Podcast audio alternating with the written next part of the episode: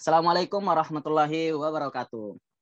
Uh, selamat datang di podcast kita kali ini, yang di mana uh, podcast kita kali ini akan membahas terkait tentang uh, geothermal baik secara teknikal maupun non teknikal.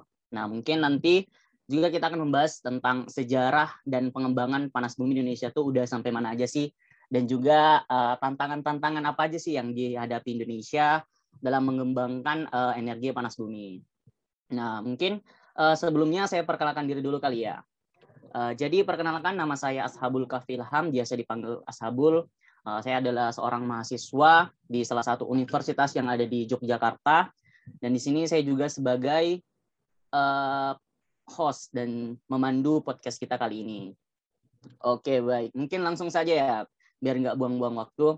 Uh, kita undang uh, pembicara kita nih, yang masih muda tentunya. Dan juga saat ini masih berstatus sebagai mahasiswa nih. Nah, mungkin kalau uh, mendengar kata mahasiswa nih, uh, aura-aura positif mahasiswa ini selalu ini ya membara ya di dalam diri kita semua. Oke baik. Nah pembicara uh, kita ini mungkin uh, memiliki banyak uh, pengalaman ya dan juga akan di share sama kita semua di sini. Oke langsung saja ada Mas Gilang. Apa kabar nih Mas? Halo, kabar baik. Alhamdulillah. Gimana kabar? Alhamdulillah sehat Mas. Ini saya manggilnya Mas Bang atau AA nih guys. Bang aja kalau. Oh, wah siap bang.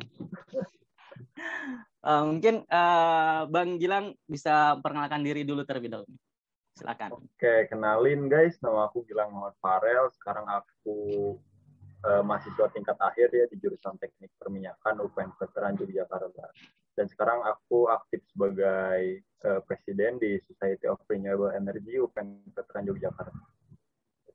Baik, terima kasih Bang.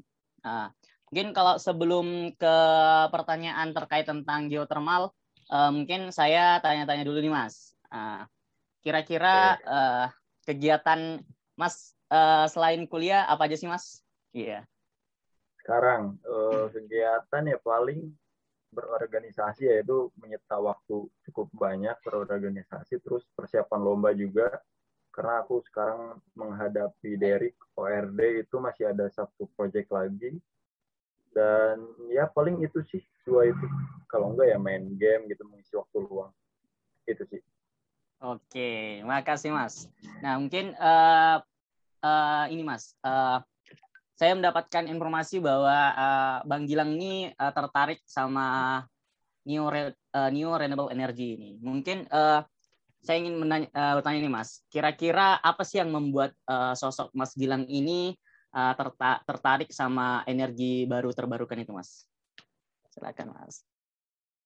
Oke, jadi uh, punya alasannya pada dasarnya aku kan kuliah di teknik perminyakan ya, di mana itu kampus ataupun jurusan yang merujuk pada energi gitu.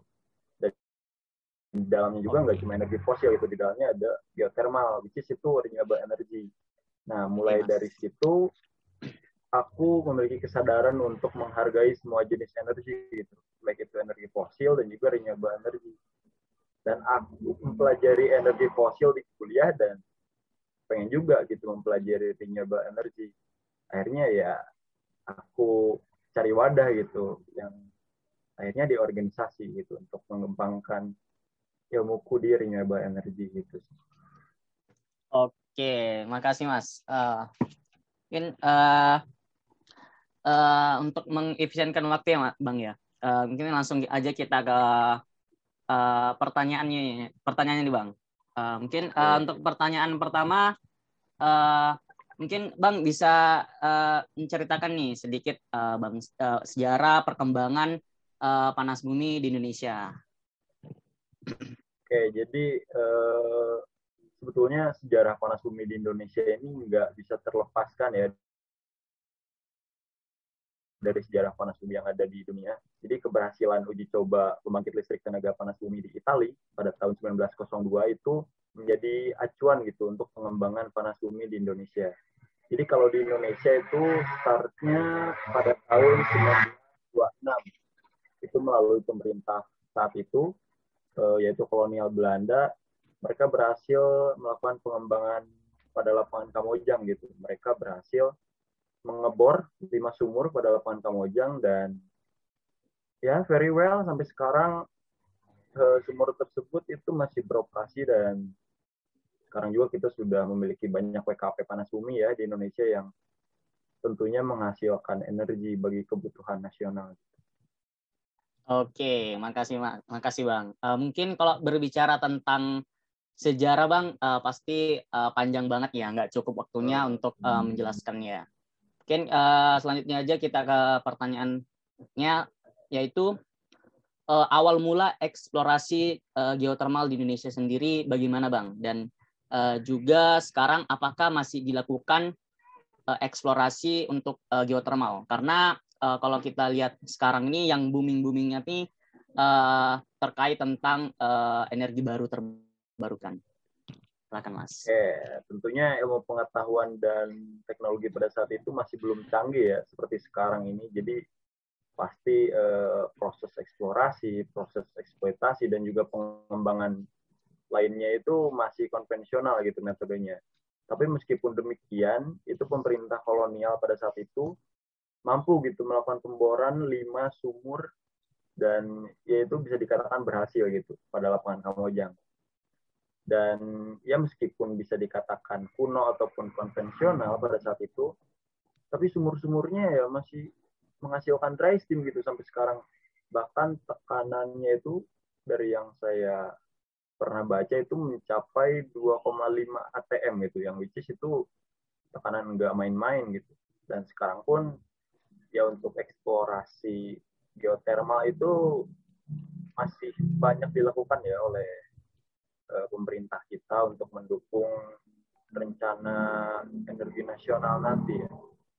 Itu sih. Jadi ya harapannya dengan kemajuan teknologi sekarang itu mempercepatlah untuk uh, eksplorasi geotermal.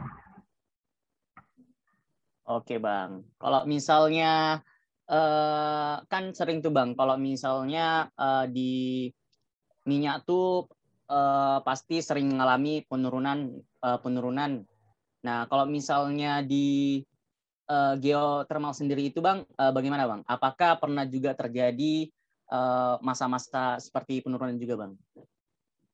Oke, jadi sebetulnya harga minyak dunia itu cukup apa ya bersinggungan lah dengan industri geothermal ini.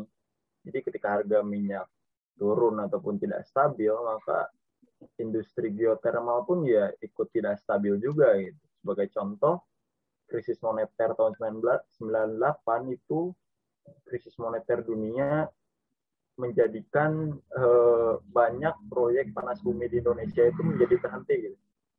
Ya karena industri panas bumi ini bisa dikatakan industri yang high cost dan juga high risk ya. Jadi pada saat itu pemerintah kita mau nggak mau menghentikan proyeknya gitu dan hal tersebut sangat memukul industri panas bumi gitu.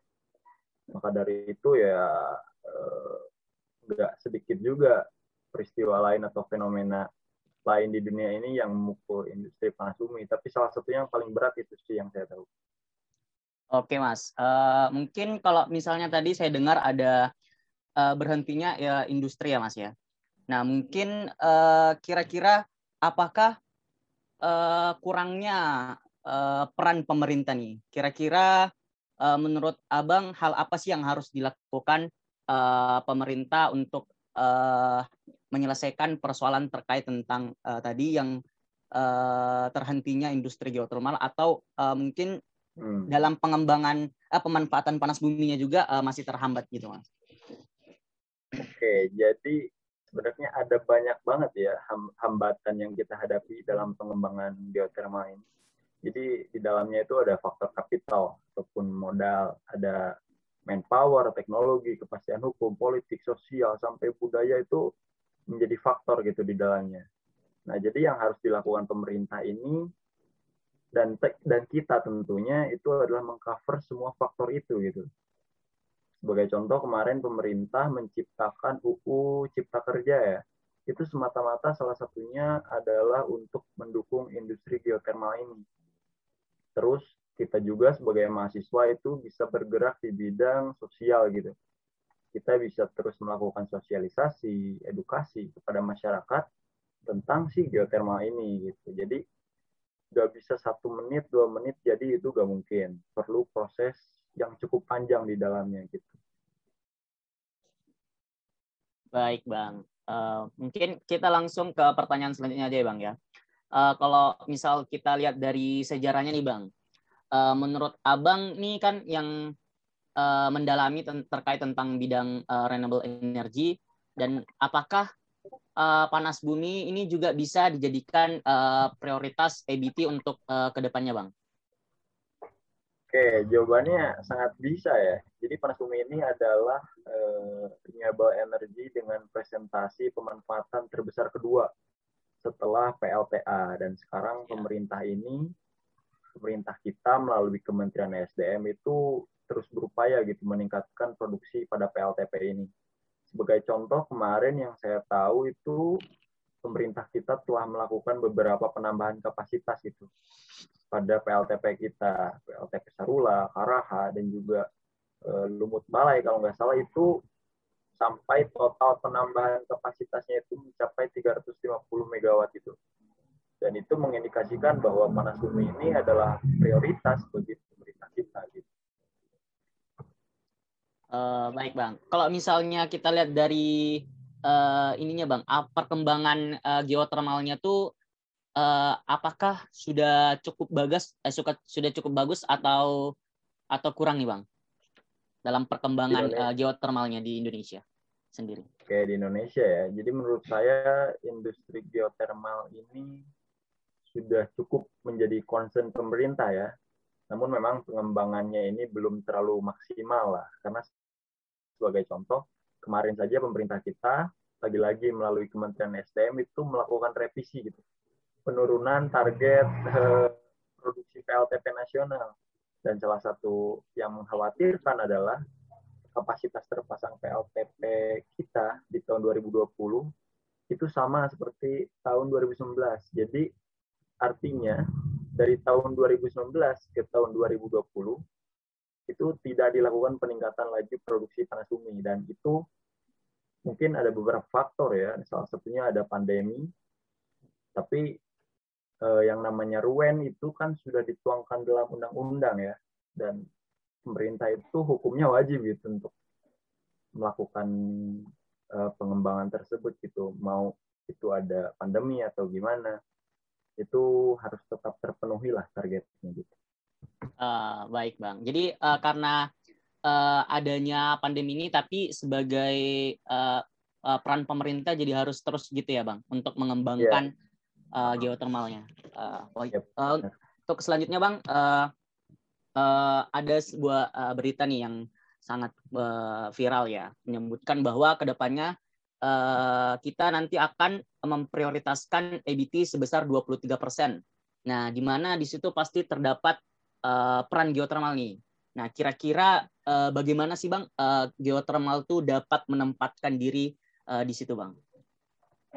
Jadi itu berdasarkan Ruen ya, yang 23 persen itu itu tuh diterbitkan oleh Kementerian ESDM kalau nggak salah. Jadi panas bumi ya, itu pada uh, rencana itu menjadi prioritas kedua gitu. Bauran energi ini setelah lagi-lagi PLTA gitu, pembangkit listrik tenaga air. Dan untuk targetnya sendiri, panas bumi diproyeksikan itu bisa berproduksi sekitar 7 gigawatt gitu dan itu merupakan angka yang cukup signifikan ya dibandingkan dengan angka yang kita miliki sekarang. Jadi ya semoga saja target tersebut bisa tercapai lah.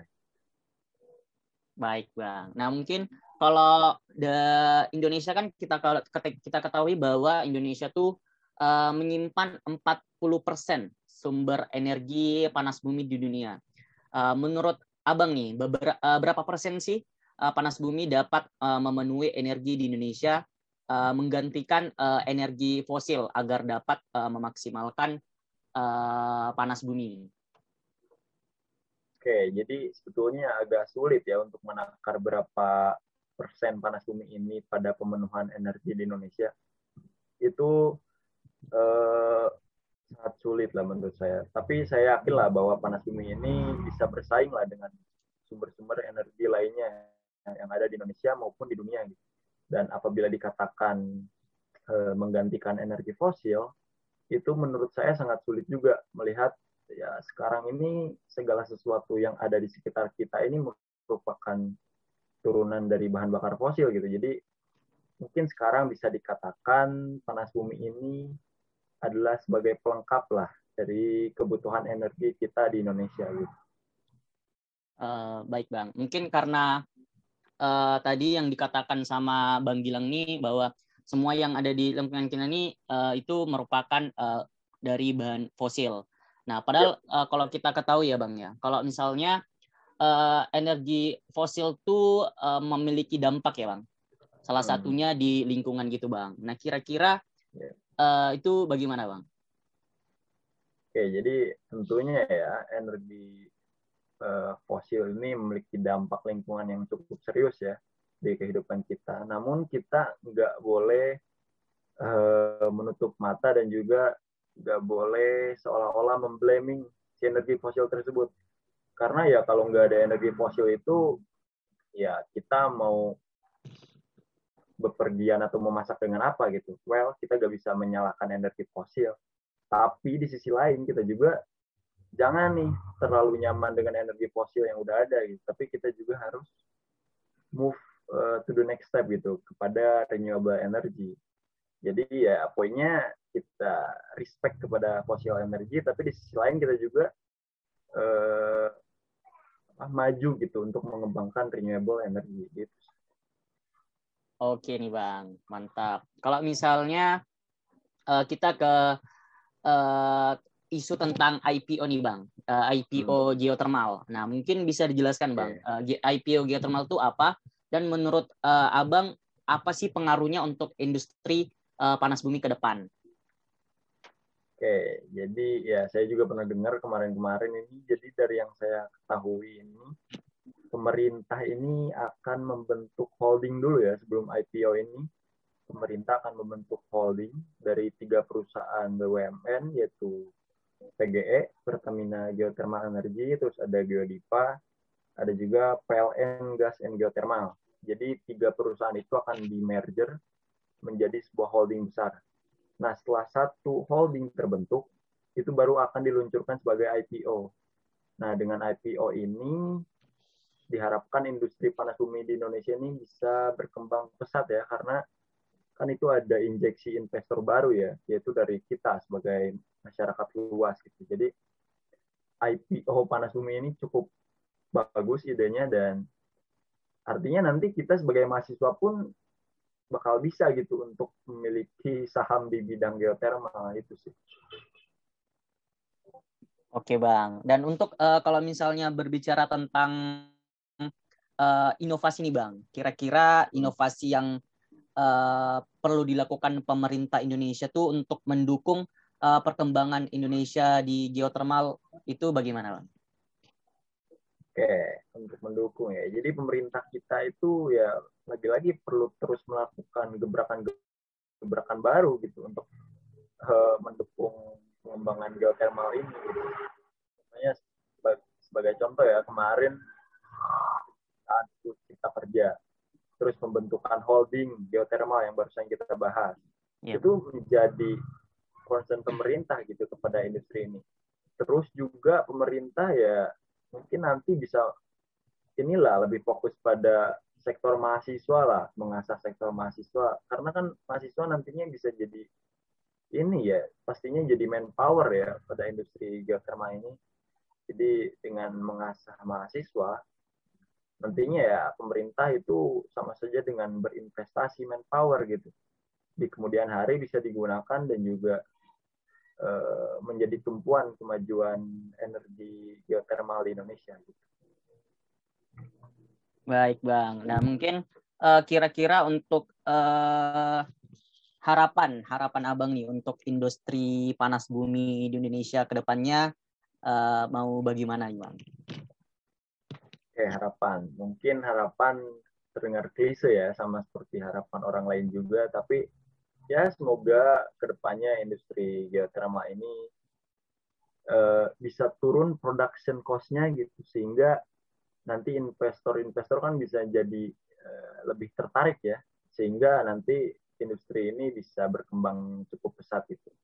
Kemudian yang selanjutnya semoga pemerintah ya bisa mencurahkan perhatian lah pada industri ini karena eh, mau tidak mau industri ini bakal jadi industri masa depan Indonesia gitu.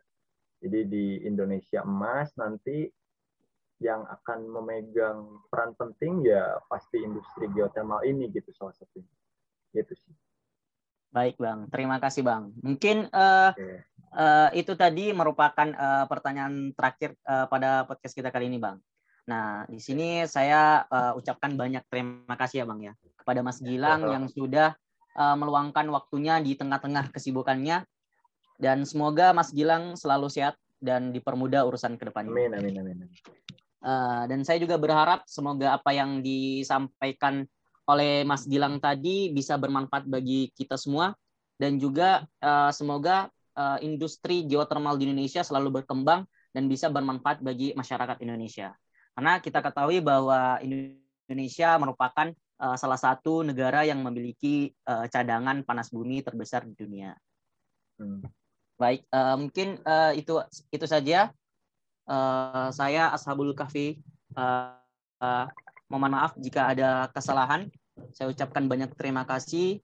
Assalamualaikum warahmatullahi wabarakatuh. Terima kasih Mas Gilang. Ya, sama-sama.